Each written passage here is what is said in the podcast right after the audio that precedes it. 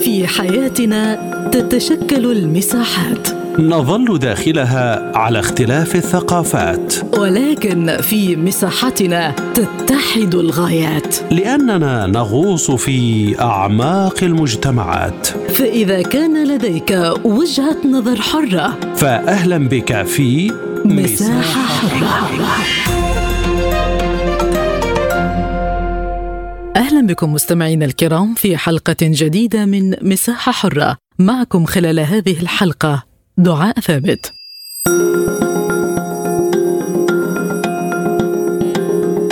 دعت وزيرة الخارجية الألمانية أنالينا بيربوك أمس الاثنين لعقد اجتماع في برلين مع نظرائها في مصر والأردن وفرنسا للسلام في الشرق الأوسط وذلك للبناء على تفاهمات العقبة. جاء ذلك خلال مؤتمر صحفي مشترك جمعها بنظيرها الأردني أيمن الصفدي في ألمانيا. وأشارت بيربوك إلى أن الصراع في الشرق الأوسط في الأشهر والأسابيع السابقة تأجج وتبعت أن الاتفاقات في اجتماعي العقبة وشرم الشيخ أعادت إحياء الأمل لسكان القدس بإمكانية تأدية العبادات في شهر رمضان. كما لفتت وزيرة الخارجية الألمانية في تصريحاتها إلى أن الأردن يلعب دورا مهما من خلال الوصاية الهاشمية على المقدسات في القدس مشيرة إلى أن حل الدولتين ما زال أفضل حل للصراع بين الفلسطينيين والإسرائيليين.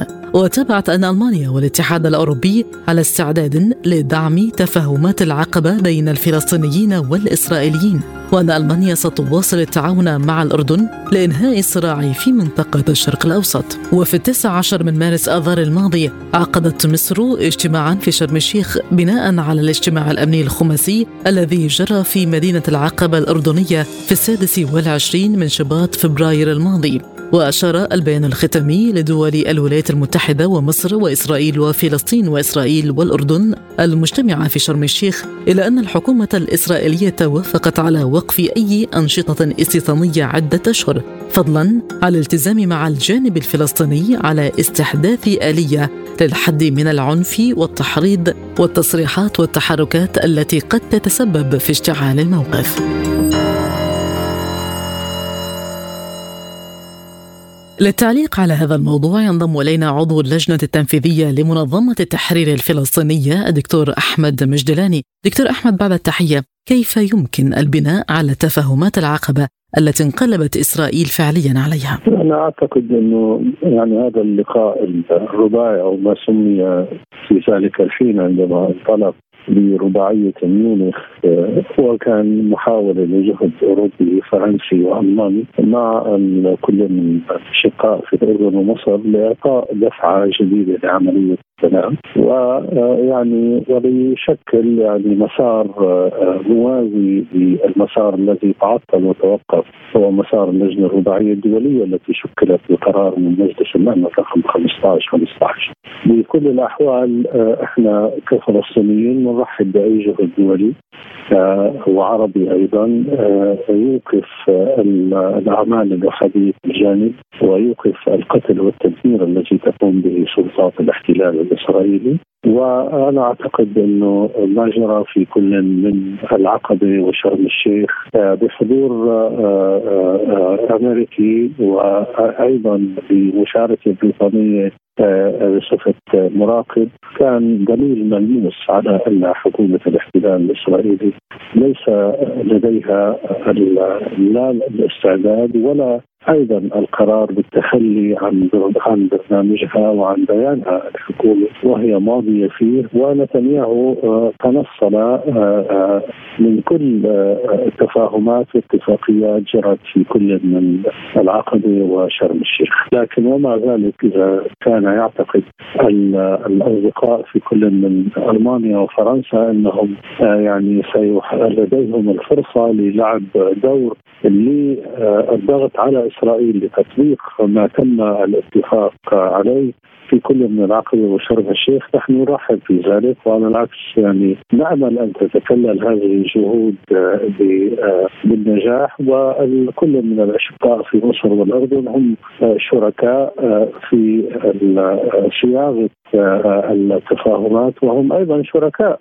في متابعة تطبيق ما تم الاتفاق عليه. ولماذا تسعى أوروبا للانخراط في هذا الملف تحديدا في هذا التوقيت؟ يعني ان حكومه نتنياهو وهذا التحالف يثير الانعزاز والاضطراب في أوروبا نتيجة برنامج هذه الحكومة وممارسة وزرائها وهذا واضح تماما أن الحكومة الألمانية يعني تحاول يعني أن تجد يعني فرص مبادرة ل يعني حتى لمحاولة تصويب الوضع في العلاقة مع الجانب الإسرائيلي. لكن يعني بصراحة يعني إحنا ليست لدينا أي يعني أوهام كبيرة ولا على يعني مثل هكذا مبادرة. لكن ومع ذلك إحنا ندعم كما قلت أي جهد وأي مبادرة. وأنا بعتقد انه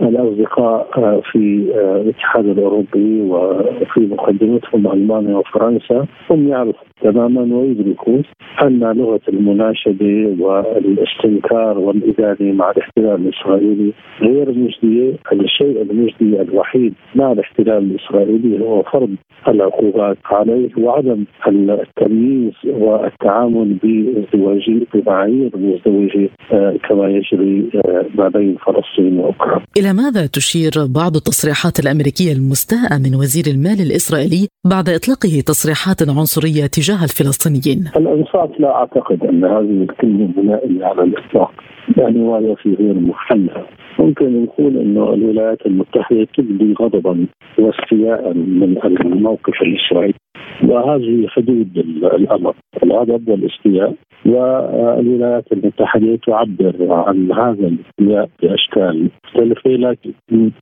لن تصل العلاقات الأمريكية الإسرائيلية إلى حد تضطر فيه الولايات المتحدة الأمريكية أن تتخذ أي إجراءات عقابية ضد إسرائيل.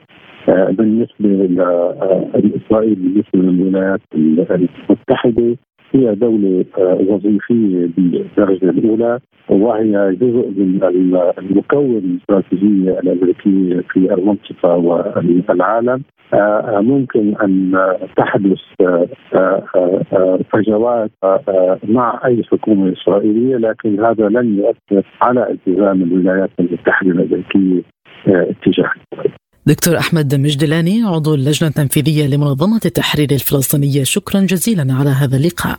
كما ينضم إلينا من القاهرة خبير الشؤون الإقليمية هاني الجمل. بعد التحية سيد هاني كيف تنظرون لهذه الدعوة وأهميتها في ظل التصعيد الإسرائيلي؟ وهل تنجح ألمانيا في مسعاها؟ في البداية ألمانيا تحاول أن تعيد صياغة مكانها الإقليمي والدولي بعد خفوت تواجدها على الساحة العالمية بعد أن توارت أنجلا ميركل عن الساحة السياسية العالمية. وبالتالي كان موقف ألمانيا ضعيف جدا في السياسات الخارجية بالنسبة للاتحاد الأوروبي أو مشاركتها في النقاط الساخنة حول العالم ظهر هذا جليا في الأزمة الروسية الأوكرانية وكيف أن ألمانيا لم تكن هي الأكثر نشاطا في قيادة الاتحاد الأوروبي بجانب فرنسا في هذا الشأن وبالتالي هي تحاول أن تكون هذه القضايا الإقليمية هي عودة مرة أخرى للتواجد السياسة الألمانية الخارجية. الدعوة التي قامت بها أو أدلت بها وزاره الخارجية الألمانية هي أيضا دعوة تساند الجانب الإسرائيلي لأن هناك تحالفات كبيرة ما بين ألمانيا وإسرائيل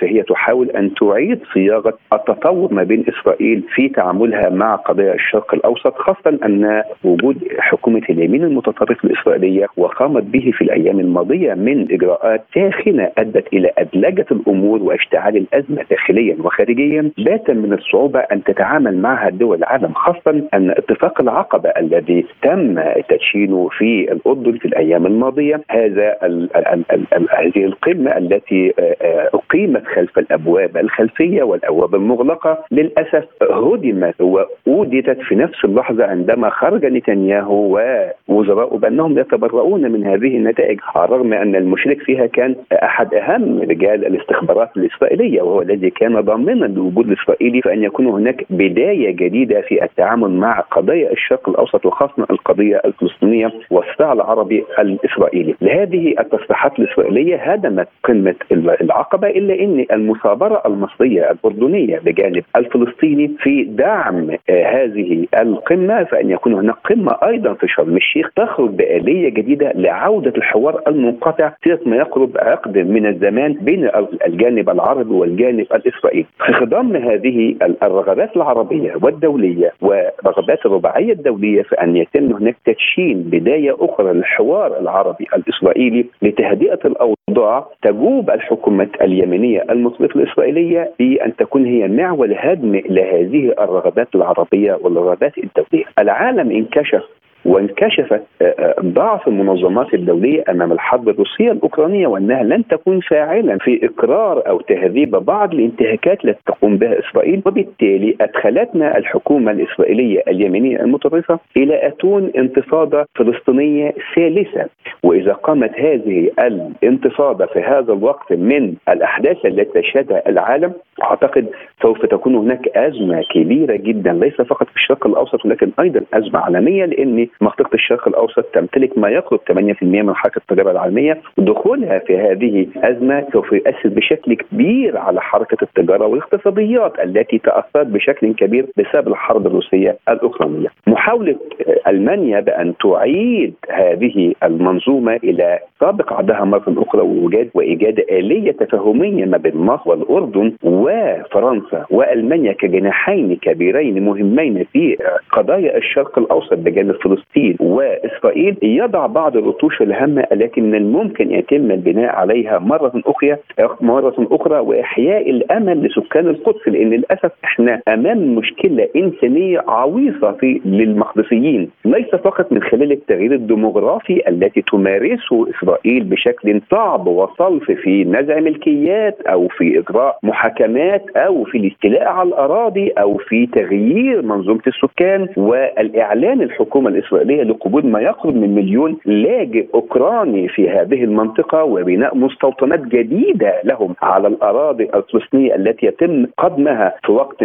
مستمر إلا إن أيضا المقدسيين يعانون من أزمة إنسانية واقتصادية كبيرة، هذه الأزمة تتأسى في عدم إنتاج، تتأسى في عدم وجود موارد مالية تغطي احتياجاتهم، تتأسى في عدم وجود أفق لحل الأزمة الإنسانية من وجود حرمان من التعليم، من وجود حرمان من حقوق الإنسان، من وجود نزع ملكيات خاصة رغم من وجود أوراق ثبوتية لامتلاكهم هذه الأراضي وهذه المباني الفلسطينية إلى أن أحكام القضاء التي خرجت من الحكومة الإسرائيلية تنتزع هذه الملكية وتقوم بنوع من أنواع التهجير القسري لهؤلاء المقدسيين. اذا اصبحوا هم قنبلة موقوتة ليس فقط في الوضع الداخلي الإسرائيلي ولكنه أيضا للقضية الإقليمية والعالمية على السواء وما شاهدناه من مظاهرات حصلت بها الأراضي الإسرائيلية الفترة الماضية لبعض اتجاهات الحكومة اليمينية المتطرفة يدعو لأن هناك صوت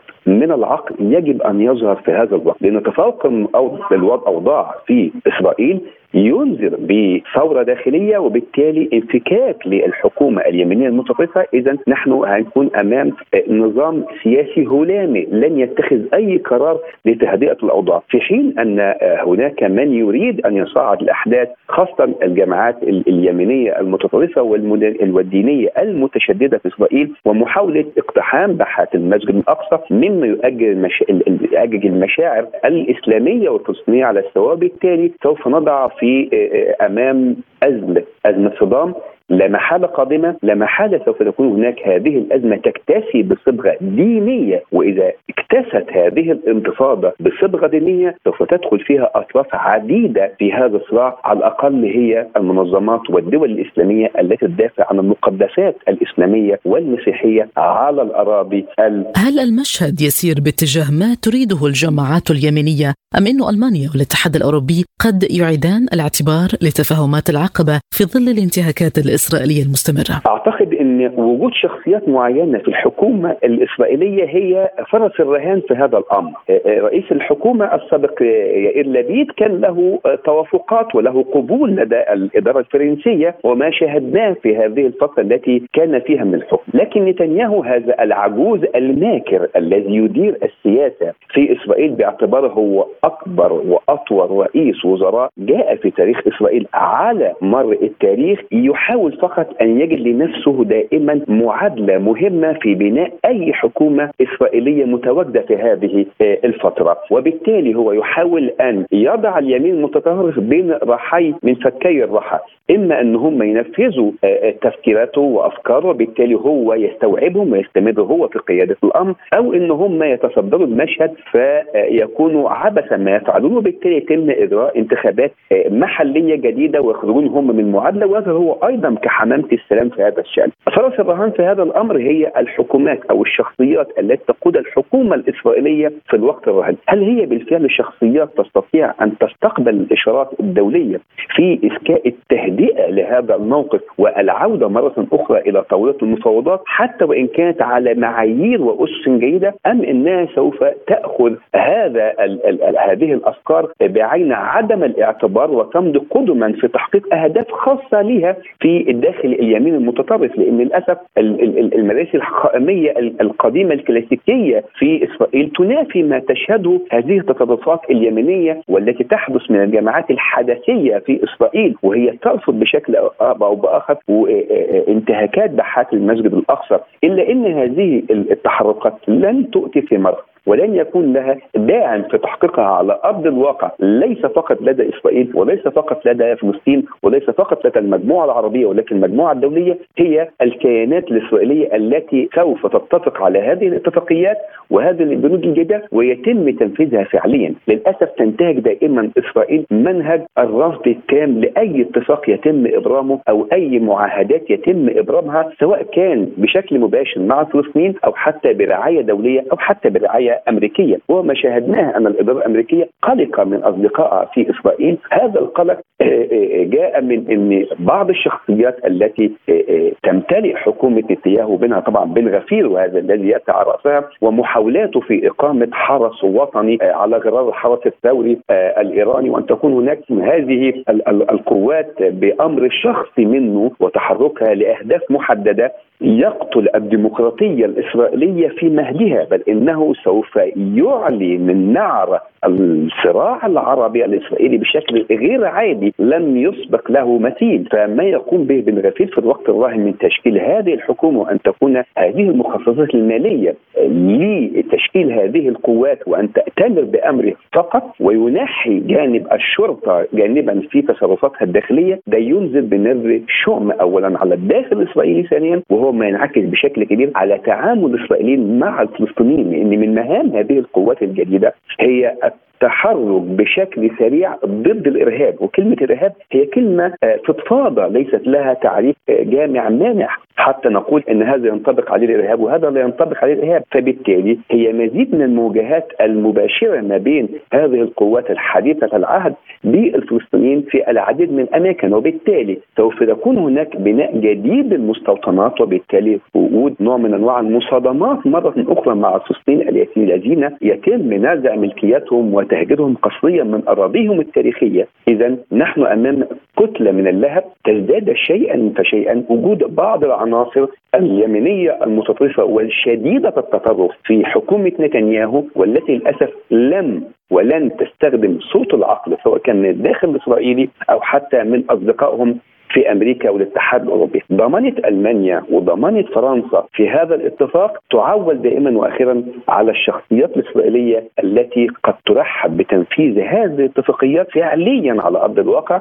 وأن تمد طاولة المفاوضات مع الجانب الفلسطيني تحت نقاط محددة تخفيف العبء والضغط على المقتصديين حتى لا تكون قنبلة موقوتة تنفجر ليس فقط في الداخل لكنها تنفجر في ضمير المجتمع الإنساني العالمي. وما خيارات السلطة الفلسطينية في ظل هذه التصرفات الإسرائيلية؟ آه، السلطة الفلسطينية هي تحاول ألا تخسر المكاسب التي تحققها في في الفترة الماضية بفكرة الاعتراف بالدولة الفلسطينية بفكرة أن تكون هي مراقب في المنظمات الدولية بفكرة أن تكون هناك أصدرت استخرجت أو استخدمت فتوى من الأمم المتحدة ومحكمة العدل الدولية بماهية الاحتلال الإسرائيلي وهو ما يؤجج الوضع الإسرائيلي لأن في فتوى قانونية بتقول إن التواجد الإسرائيلي ليست له مشروعية على الاراضي الفلسطينية ما دون 67 وبالتالي هذا الأمر وضع الحكومة الإسرائيلية في موقف لا تحسد عليه. وبالتالي السلطة الفلسطينية لن تدخل في صراع مباشر تخسر به هذه المكتسبات التي حققتها على أرض الواقع. إلا أن الشعب الفلسطيني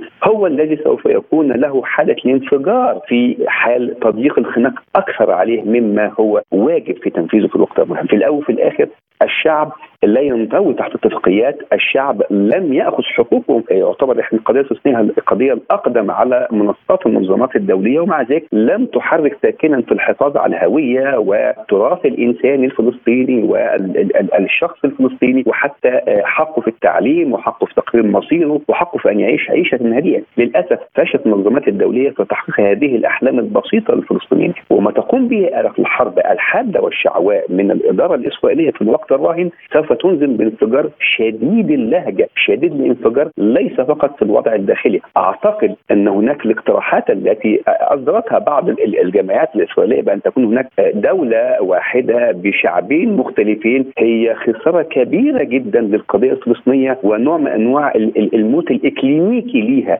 وبالتالي لن تكون هذه الخطوة مرحب بها لدى الشعب الفلسطيني. وسوف تكون هذه الفصائل التي قد تختلف سياسيا فيما بينها وفي طرحها لبعض القضايا أو في التعامل مع بعض هذه الأزمات إلا أنها سوف تتحد في نقطة واحدة هي الدفاع عن مقدساتها، الدفاع عن أراضيها، الدفاع عن ما تقوم به الحكومة الإسرائيلية من حاله خناق شديد للمقدسيين، إذا حدثت هذه الانفجارات أعتقد سوف يكون هناك خط متوازي ما بين الدبلوماسية الفلسطينية في المحافل الدوليه ومحاولة الحفاظ على هذه المكتسبات والبناء عليها ولكن أيضا سوف يكون نوع من أنواع الغليان الشعبي داخل اروقه فلسطين والذي أعتقد أنه بات قريبا جدا من انفجار لأن ما يحدث في إسرائيل وما يحدث من حكومة إسرائيل اليمينية المتطرفة يضيق الخناق على صبر الفلسطينيين وأعتقد أن الرهان على صبر الفلسطينيين لن يكون طويلا وإذا حدث الانفجار في هذه الظروف الراهنة العالمية لن يحمد عقباه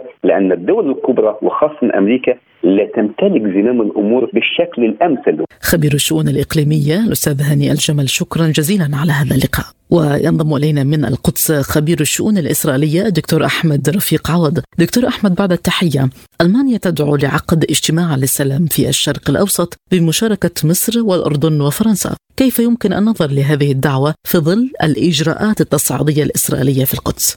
لا أعتقد إنه يعني هذه الجهود قد تسفر عن شيء رغم ترحيبنا بالتأكيد رغم ترحيبنا بالخطوة الألمانية أو بالرغبه الألمانية تأكيد يعني بالتأكيد نحن نرحب باي خطوة باتجاه التسويه باتجاه استعادة حقوقنا على الأقل أو وقف العدوان علينا الدائم. لكن حقيقة نحن أمام حكومة إسرائيلية متطرفة جدا. هي عمليا لا تدير ظهرها للتسوية فقط وإنما تدمرها من خلال محاولتها مصادرة أو إعلان أو فرض القانون الإسرائيلي المدني على الضفة الغربية المحتلة أو على الأقل ثلثيها وكذلك يعني اختطاف القدس والأقصى. وهذه الحكومة الحكومة المتطرفة هي ليست في وارد التسوية ليست في وارد الكلام مع الفلسطينيين. هي عمليا تريد أن تدمر السلطة الفلسطينية أو على الأقل تفقرها تحرجها تجعلها تسقط بيد أبنائها. وبالتالي هذه الحكومة الحالية يعني اذا اذا إذا هي نقضت ما تم التواصل اليه في شرم الشيخ وفي العقبة بنفس اليوم. يعني كانت الوفود لم تغادر بعد شرم الشيخ أو العقبة وكانت الحكومة الإسرائيلية تنقض أو ترفض ما نتج عن هذا هاتين عن هذين الاجتماعين. وبالتالي هذه حكومه ليس لها مصداقية ولا موثوقية وهي تتحدث بلغتين وتتحدث بلغة خارجية وداخلية وقرارات هي قرارات تسوية حزبية وليست اعتبار للاتفاقات الدولية. أو حتى مع أي اتفاق حتى إقليمي، بالتالي أعتقد إنه لا يعني الأمر وخاصة إنه ألمانيا رغم العلاقات خاصه جدا بين ألمانيا وإسرائيل وتستطيع أن تضغط عليها ولكن لا أعتقد أنها ستضغط عليها كما تضغط عليها أمريكا مثلا. ورغم ذلك رغم ذلك إسرائيل كسرت جهود أمريكا ورفضتها في اجتماعيه شرم الشيخ والعقبة، لهذا السبب أعتقد إنه يعني الإعلان الألماني آه، وان وإن كنا نرحب به ولكنه أعتقد ليس له نصيب أو رصيد من النجاح. إذا كانت إسرائيل تبيت هذه النية لتدمير أي تسوية، إذا لماذا توافق على الاتفاقات التي يتم التوصل إليها؟ لأنه هناك ضغوط أمريكية، هذه ضغط أمريكي إنه آه، يجب أن تذهبوا إلى هذا إلى المنطقة إلى الاجتماعين ولعل وعسى يمكن إنه نجبر الأطراف على وصول التهدئة، إسرائيل كانت معنية بالمناسبة لأن تأخذ قرار بالتهدئة من الأطراف العربية والفلسطينية، فهي ذهبت ليس لأنها تريد تسوية، هي ذهبت لأنها تريد أن تضغط أو يتم الضغط على الفلسطينيين بالذات إنه يقبلوا بتهدئة آه، بأي شكل من الأشكال. ورغم ذلك أو لذلك في عمليه ذهبت إلى هناك نتيجة كما قلت الضغوط الأمريكية، ثانيا بتوقع أنه يكون هناك في تهدئه، ثالثا حتى لا تبدو وكأنها بين قوسين يعني تكسر أو ترفض الجهود الأمريكية آه، والجهود الإقليمية، لكن آه، آه، كما قلت يعني إسرائيل ليست في وارد التسوية، ليست حتى في وارد التهدئة،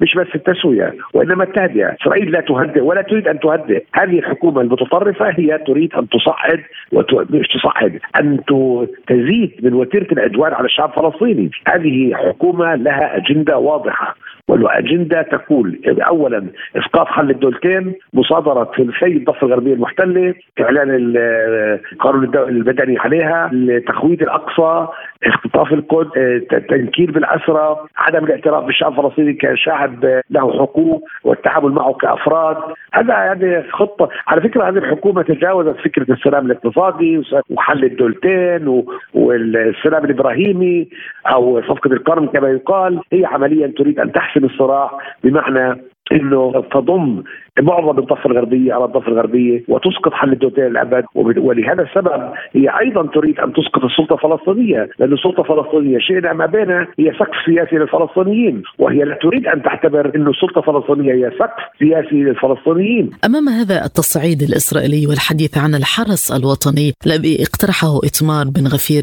هل الفلسطينيون مقبلون على انتفاضة ثالثة؟ الانتفاضة يعني أسباب الانتفاضة جاهزة تماما. هناك تنكيل غير مسبوق للاحتلال ضدنا. هناك اعتقالات دائمة ومصادرات واقتحامات وإهانات وإذلال. يعني كل كل الأسباب موجودة. وأعتقد أنا شخصيا أنه إحنا إحنا في انتفاضة ولكن مش كالانتفاضات السابقة ليست انتفاضات جماهيرية وليست انتفاضات يعني واسعة ويشارك فيها كل الأطراف وكل الفئات في المجتمع الفلسطيني. لا إحنا بانتفاضة من نوع خاص. انتفاضة انتفاضة أو فعل انتفاضي متحدد له مستويات مختلفة جمهوره مختلفين و و و و ويستمر ضمن ضمن ظروف معقدة وبالغة التعقيد. لذلك إحنا إحنا حقيقة في في فعل انتفاضي دائم يوميا.